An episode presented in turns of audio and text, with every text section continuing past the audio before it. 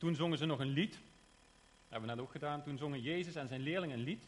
Marcus 14 is dat vers 26.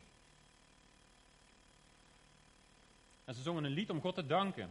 En daarna gingen ze op weg naar de Olijfberg. En Jezus zei tegen zijn leerlingen: Jullie zullen me allemaal in de steek laten. Want God zegt in de heilige boeken: Ik zal de herder doden en de schapen zullen alle kanten oprennen. Maar luister goed. Ik zal opstaan uit de dood. En dan ga ik naar Galilea en daar zullen jullie mij zien. En Petrus, hij is vaker um, haantje de voorste. Ik weet niet of dat ook door hem komt dat dat spreekwoord er is, maar hij is vaak impulsief. Hij zegt: Nee, ik laat u niet in de steek. Als het moet, wil ik zelfs samen met u sterven. En alle andere leerlingen zeiden precies hetzelfde. Als het moet, zal ik zelfs samen met u sterven. En ik wil even een paar highlights uit het leven van Petrus uh, noemen. En, oh, daar heb ik een mooie flip voor.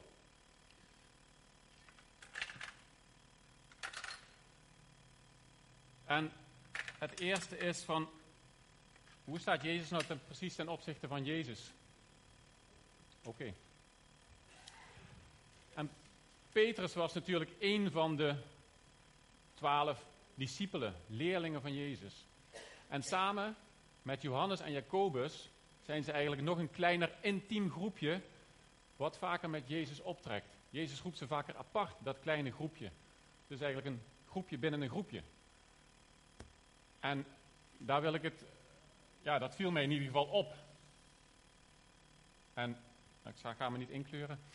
Um, maar Jezus heeft drie, of, uh, ja, drie vrienden, dus Petrus, Jacobus en Johannes, waar hij vaker mee optrekt. En ik wil twee momenten noemen waarin Jezus heel intiem met deze drie mannen optrekt. En het eerste moment dat is de verheerlijking op de berg. En dat verhaal kent u misschien. Ze gaan een berg op, zo'n 500 meter hoog. En men denkt dat het de berg Tabor is. Ik weet niet wat het stijgingspercentage is, uh, Arie. Ik heb gisteren met Arjan nog even gefietst. En ja, ik geniet dan altijd van de bergen en van het uitzicht wat je dan hebt.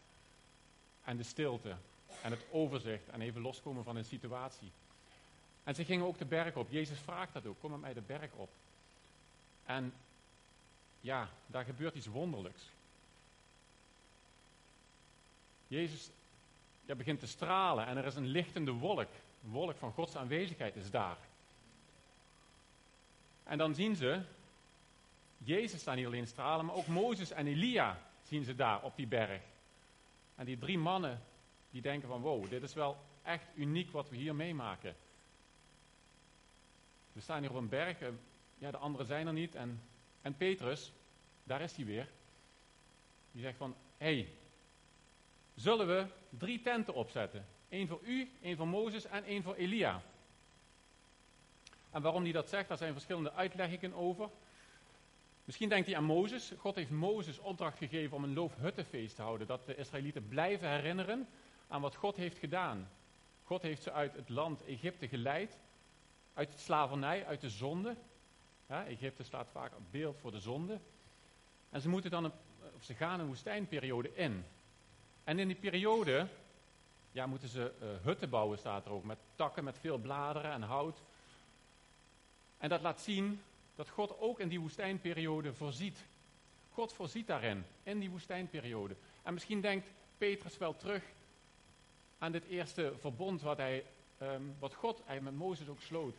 En wat God of een, een inzetting. Hè? Een, een, God wil graag dat we dat loofhuttenfeest blijven herinneren. Want ben dankbaar voor de schepping en weet, ik voorzie. En misschien is ook een uitleg dat het toen loofhuttenfeest was. Op dat moment dat Petrus daaraan denkt, denkt hij, laten we hier die tenten opzetten. En dat zijn ze in Israël aan doen het, in het loofhuttenfeest. Dan, dan herinneren ze ook aan dat, aan dat verbond en aan die geschiedenis wat het volk heeft doorgemaakt. En Mozes vertegenwoordigt ook de wet. Mozes is degene die de tien geboden heeft ontvangen van God. En, daar, en Elia is een van de belangrijkste profeten. Dus daar de wet en profeten zijn daar vertegenwoordigd op die berg. En Jezus staat daartussen. En ik vind, uh, ja, dat ontroert mij wel, want Jezus die, die zegt ook van, ik ben de vervulling van de wet en de profeten. En ik ben, ja, die brug. Het is niet alleen de wet meer, maar het is ook de genade. En ik moet die lijdensweg nog ingaan. Maar daarvoor heeft hij dat moment met Petrus, Jacobus en Johannes. Een ander moment weer op een berg, dat is de Olijfberg. Gaat hij met ze op pad en vraagt hij om te bidden. Hij gaat vooruit en hij bidt, dat is ook vlak voor de kruising, vlak voor het lijden. Van, vader, help me om hier doorheen te komen. En hij geeft de opdracht aan Petrus en Jacobus en Johannes. Van bid. Bid. Bid om kracht. Dat je de juiste keuzes mag maken. Dat is de opdracht die Jezus geeft aan Petrus. Bid om kracht dat je de juiste keuzes mag maken. Nou ja, als u uh, keer de Bijbel heeft gelezen of al een tijdje hier komt, dan weet u dat Jezus tot drie keer toe terugkomt. En tot drie keer toe vindt Jezus deze mannen slapend. En hij zegt, word wakker, word wakker, maar bid. En Jezus gaat weer eh, zonder zich af. En komt weer terug, maar toch, ze slapen. Het is nacht, ik weet niet hoe warm daar het is. Maar ze slapen. Twee momenten. En twee momenten die mij in ieder geval laten zien dat Petrus heel dicht bij Jezus was.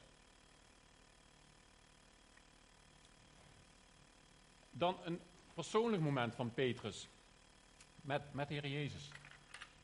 Persoonlijk gesprek wat hij met de Heer Jezus heeft. De Heer Jezus die vraagt aan de leerlingen, en dan zijn ze bij elkaar. Wie zeggen de mensen dat ik ben? En nou, er worden zo'n paar namen genoemd. Wie de mensen zeggen dat Jezus is, wie ze denken dat hij is. Is het misschien Elia, die verwachten de Joden? Is het misschien met anders?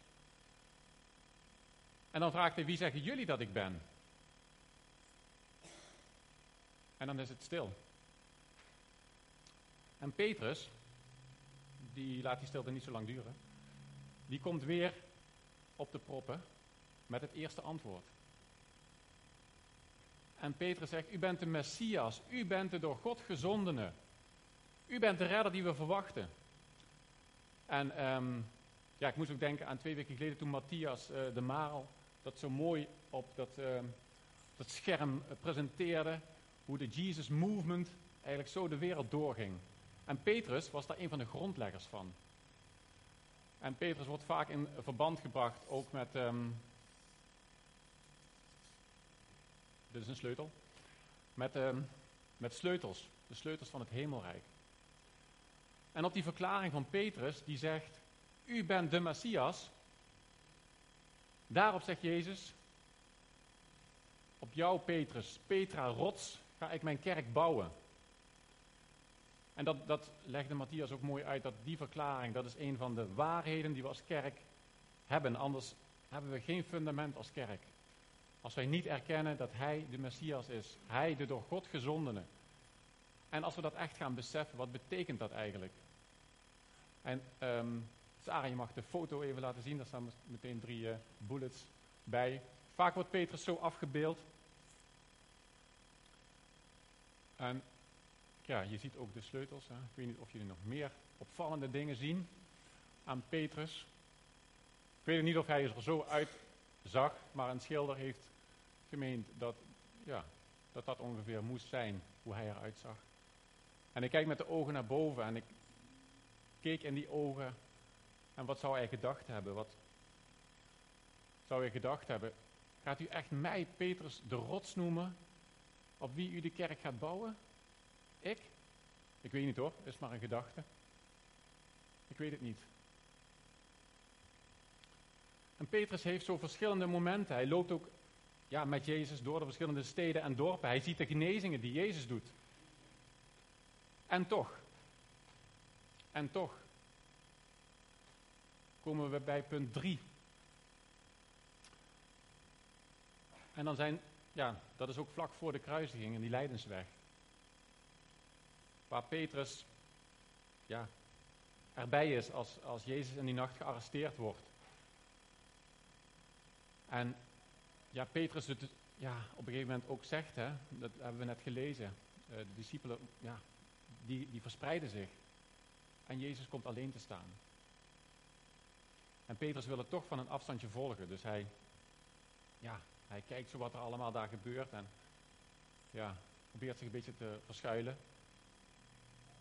En dan wordt hij herkend door een meisje, staat er. En verschillende keren herkend. En even daarvoor heeft Jezus gezegd, Petrus, in deze nacht zul je mij drie keer ontkennen, voordat de haan twee keer gekraaid heeft. Je zult drie keer mij verloochenen. En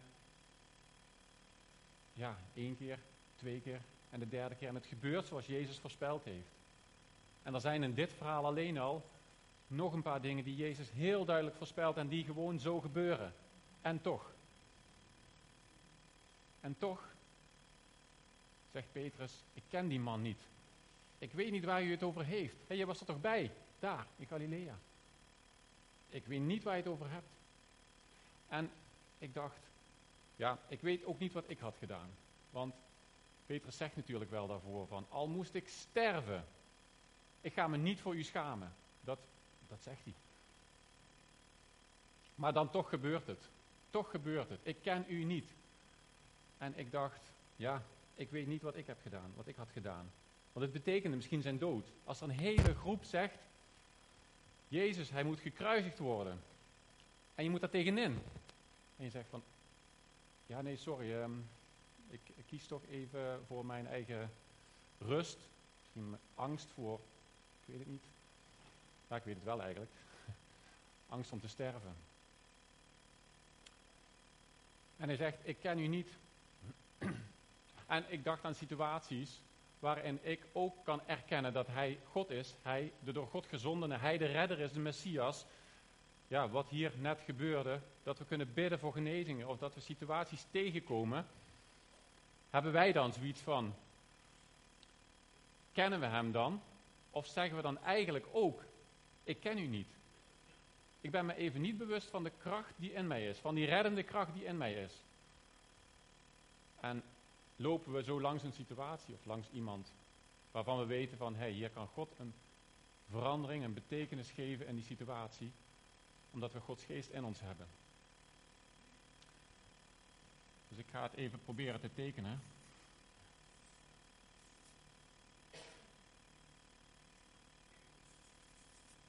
Hij was van vriend, noemde Petrus Jezus iemand die hij niet kende. En ik moest denken aan hoe woorden soms zo ver afstaan van wat we feitelijk doen. Woorden zijn makkelijk uit te spreken. En hier is het ook redelijk makkelijk zingen. Het is een groep die grotendeels gelooft dat God de Messias is. Dat God kan genezen. Dat God de redder is. Maar hoe is dat woensdag, donderdag, vrijdag? Het is lastig als je alleen staat en er een hele groep opeens rondom je staat die niet halleluja uh, naast je staat. Dat is toch wel even wat anders. Hoe reageren we dan?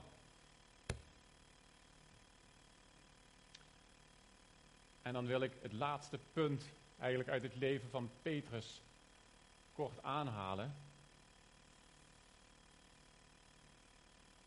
Want Petrus, daar zijn veel woorden over, van Jezus over hem gesproken. Petrus, broer van Andreas, wordt als een van de eerste geroepen om leerling te zijn.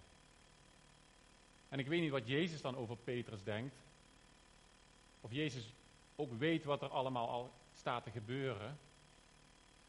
En of Jezus weet dat Petrus hem gaat verloochenen. Ik, ja. Ik denk het wel eigenlijk. Ik denk het wel. Dat Jezus dat weet.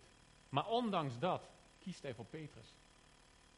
En ondanks dat kiest hij voor ons. Kiest hij voor kom en zie. Ondanks dat.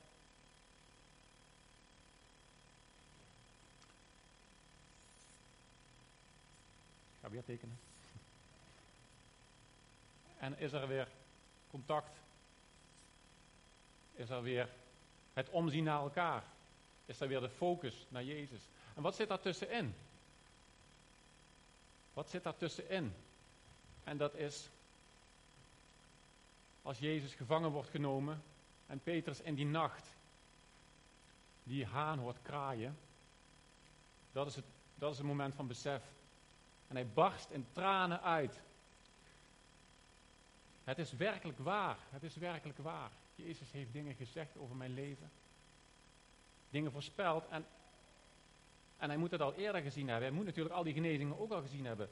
Maar dan wordt het persoonlijk en dan wordt het. En dan beseft hij dat eigenlijk wat hij gedaan heeft.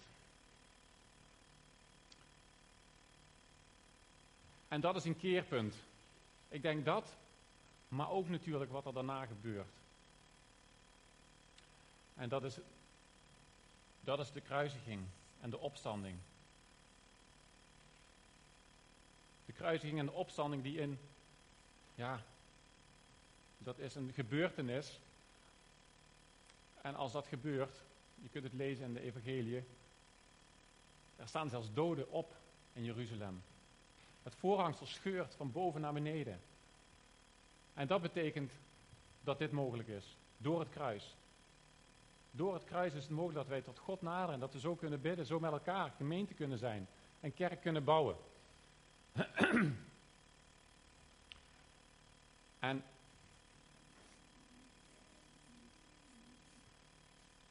kom en zie, als kerk kunnen zijn.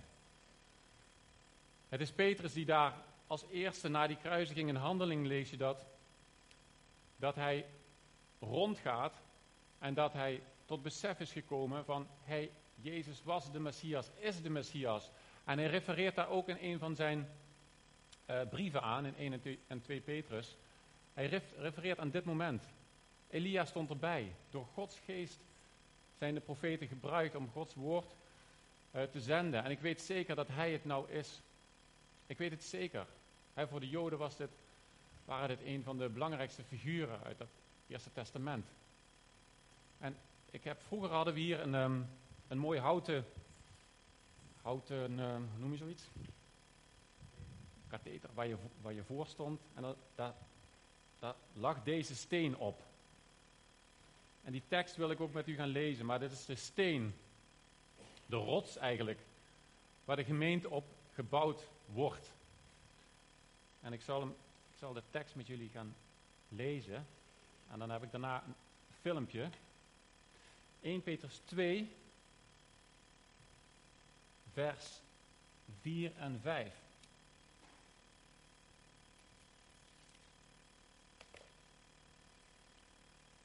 Um, ehm, ja.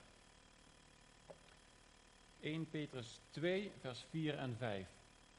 God zegt in de heilige boeken, ik heb op de berg Sion de eerste steen gelegd voor mijn tempel. De steen die ik gekozen heb is kostbaar en sterk. Je kunt er veilig op bouwen. Jezus Christus is die kostbare steen die God uitgekozen heeft. Hij is de levende steen. Want God heeft hem weer levend gemaakt nadat de mensen hem gedood hadden. Jullie zijn in hem gaan geloven. En daardoor zijn jullie nu ook levende stenen. Samen zijn jullie Gods tempel. En zo ook kom en zie, samen zijn we Gods tempel. Jullie brengen offers aan God als heilige priesters. Jullie offer is het dienen van God door goed te leven. Want dankzij Jezus Christus doen jullie wat God wil. die kracht, die komt dan vrij. Als Jezus zegt niet voor niks, bid om kracht om het goede te doen. En Petrus, Jezus hoort die woorden van Petrus en Petrus geeft die woorden weer door. En wij mogen die woorden ook weer doorgeven. En dat is die Jesus Movement waar Matthias het over had. En zo kunnen we de wereld bereiken met het goede nieuws. Ik heb een kort filmpje, ook over Petrus, hoe hij geroepen wordt. En dat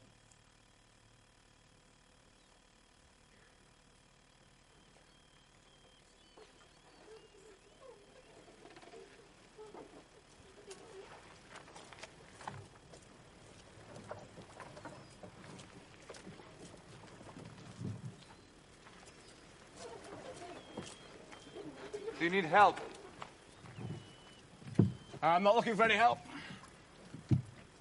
And besides, there's nothing to help with.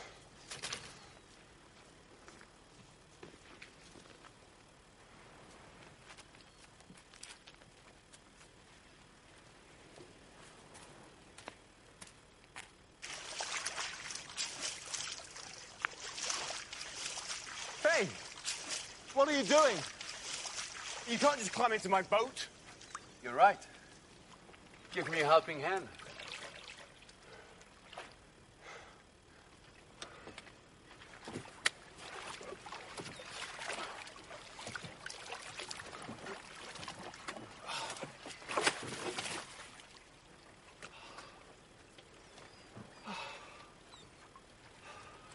What do you think you're doing?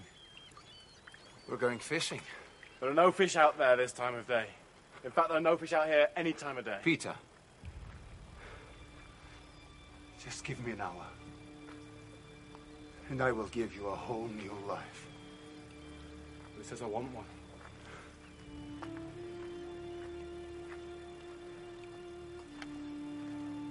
I tell you, there's no fish out there.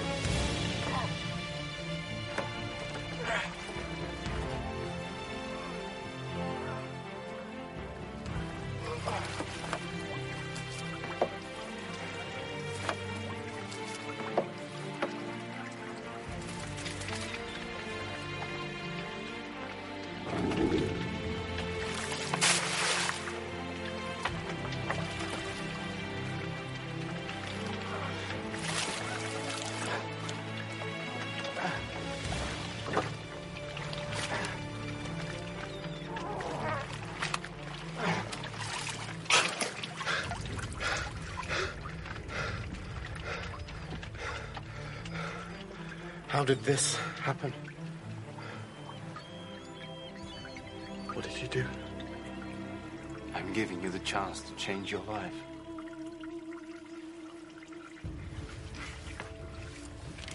Peter, come with me. Give up catching fish, and I will make you a fisher of men. What are we gonna do?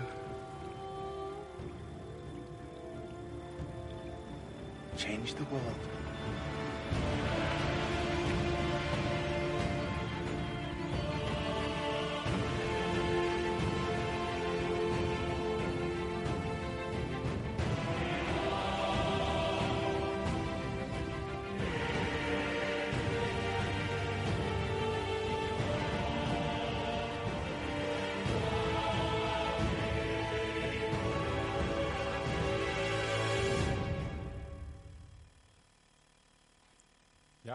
Mooi.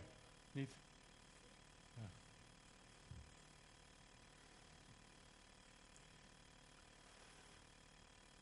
Petrus. Ja, hij wordt daar geroepen. En vervolgens ja, wordt hij een van de meest close vrienden van de Heer Jezus. Hij erkent Jezus als Messias. En hij wordt ook genoemd hè, de rots op wie de kerk gebouwd gaat worden. Hij is de eerste paus ook hè, voor de katholieken. Paus Petrus. En vervolgens ontkent hij dat hij Jezus kent. En dan komt hij tot inkeer en besef, hij barst in tranen uit. En dan, dan begint zijn echte bediening pas. Dan gaat hij op weg. En wat er dan gebeurt, ja, hij predikt, hij geneest, hij begint steeds meer op Jezus te lijken. Hij heeft een heel goed voorbeeld gehad. Hij was heel erg close en dan ja, wandelt hij daar en dan zijn ze ook bij elkaar in handelingen en er, zijn, ja, er is wat rumoer en ze verstaan elkaar. Eh, Er zijn mensen die in een taal spreken en God verheerlijken en God prijzen. En Petrus, die weet, er zijn mensen die snappen dat niet helemaal of die denken, hé, die zijn dronken. En alle leerlingen staan op en Petrus neemt het woord. En dat is een moment waar hij dus niet meer geleid wordt door een heel volk. Maar hij weet, hé, hey, mijn identiteit is in Christus en ik sta op. En ondanks wat er gezegd wordt, een hele groep die misschien anders denkt, ik sta op en ik ga hier zeggen hoe het erop staat. En het maffe is dat als je dat gaat doen, als wij dat gaan doen, als u dat gaat doen, Petrus doet het, hij wordt daar geleid door Gods geest en die hele groep, 3000 man, komen tot bekering. En ja, dat is, dat is ontzettend krachtig. Als je gaat praten en, en dan is het ook niet meer van, hé, hey, ik zeg allerlei dingen, maar ik handel daar niet naar. Nee, na die dood en opstanding van Jezus is zijn woorden en zijn handelen, dat is één. Zijn woorden, ja, zo leeft hij het leven. En ik moest denken ook aan, um, aan een gelijkenis die Jezus vertelt. Als wij ons huis bouwen op zand, ja, dat houdt niet lang stand. Maar als we ons huis bouwen op een rots, dat is, ja, dat is vaste grond. Dat, dat zal niet, niet kapot gaan. En zo zal de kerk ook niet kapot gaan.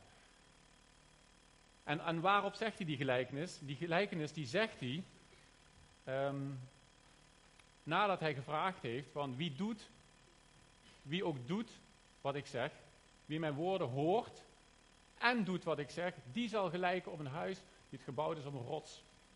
En dat is, ja, dat zie je hier gebeuren in het Nieuwe Testament. En dat is, ja, tot slot uh, de samenvatting van, van deze overdenking. Wie diep valt, hè, ik begon, ik viel. En Petrus viel ook.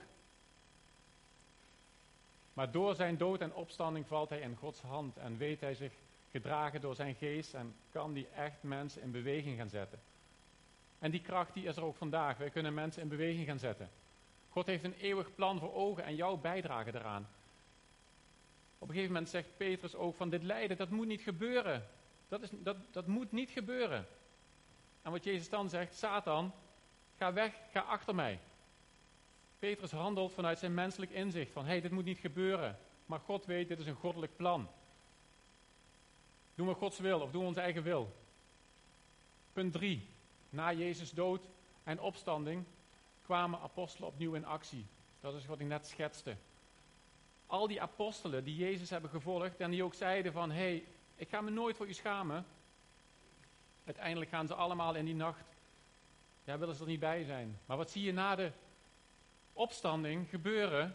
Al die apostelen die gaan strijden voor dit goede nieuws. Zij beseffen, hey, dit, is, dit is wereldnieuws. Hier moeten wij iets in gang gaan zetten.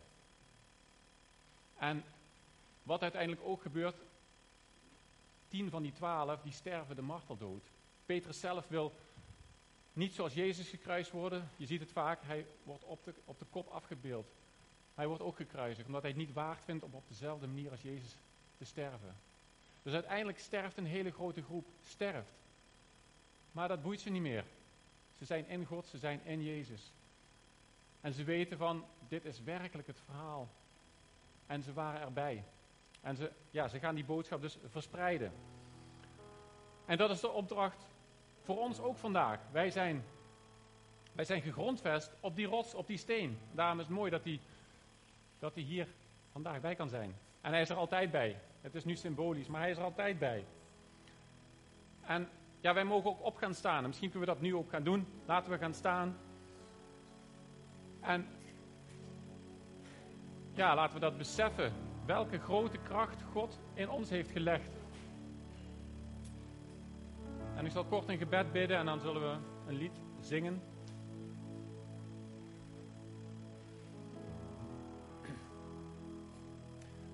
Vader, we willen als gemeente zo bij u komen. En met allemaal, ja, verschillende mensen, verschillende achtergronden, verschillende geschiedenissen. Maar we komen bij u, Heere God.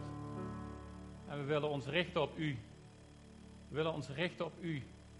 Op uw wil. Heere God, niet op onze eigen focus, maar we willen eigenlijk ontdekken wat uw focus is. Uw plan met ons leven op dit moment. Uw plan met de kerk op dit moment. Vader, wilt u richting geven voor ieder van ons. Richting geven voor Kom en Zie. Richting geven voor kerk om ons heen. Richting geven voor dit gebied. Heere God, ik dank u wel. Dank u wel dat u de Heilige Geest heeft gegeven om ons daarin ja, bij te staan. Dat we ons mogen focussen op u en de richting mogen opgaan die u wilt. Vader, en zo bidden we, Vader, dat, wat, dat wat daarvoor in de weg staat, misschien persoonlijk iets, of ik bid, Vader, dat u ja, ons helpt, Vader. Dat we mogen beseffen en misschien in tranen mogen uitbarsten van, ik heb het verknald, of ik ben met een verkeerde focus bezig geweest. Heere God, we willen ons opnieuw op u richten. Opnieuw beseffen dat het niet uit eigen kracht is dat we dingen kunnen gaan bewerkstelligen of dingen kunnen doen. Maar dat alleen is uit genade van God. Door het werk van Jezus Christus die op ons aan het kruis is gegaan. Die perfectie hoeven we niet na te streven, maar u leeft in ons en dan, dan kunnen we het gaan nastreven. Dan kunnen we die woorden en daden één maken en zo met u wandelen. Heere God, en zo bid ik, Vader, voor een ieder die hier zit. Vader, voor ons als gemeente, Vader, leid ons, Vader. Troost ons waar we verdriet hebben. En ja, wandel zo met ons mee. Vandaag, morgen, als er een hele groep tegen ons is. Als onze gezinssituatie misschien niet zo is zoals we wensen. Vader, bemoedig ons daarin. Zoals Jezus bemoedigd werd door Mozes en Elia en door de belofte doordat hij wist, ik moet hier het lijden doorgaan. Zoals het volk bemoedigd werd. En ze moesten nog een hele periode door. Misschien is het niet oud en, en beloofde land, maar er zit een woestijn tussen. En dat proces, ook daarin bent u. Ook daarin wilt u ons beschermen met een hut, met een tent. Heere God, ik dank u wel dat we die bescherming ook hier in de kerk mogen hebben, Vader. Bij elkaar. Vader, en zo zegenen we elkaar. Ook als we zo, ja, hier vandaan gaan. Vader, ga met ons mee. Dank u wel dat u hier bent. En ook als er mensen zijn die nog gebed willen, kom gerust naar voren. Het pastorale team zal hier zijn, de leiders zullen zijn, er zullen mensen zijn om te bidden. We willen zo samen tot u naderen. Amen.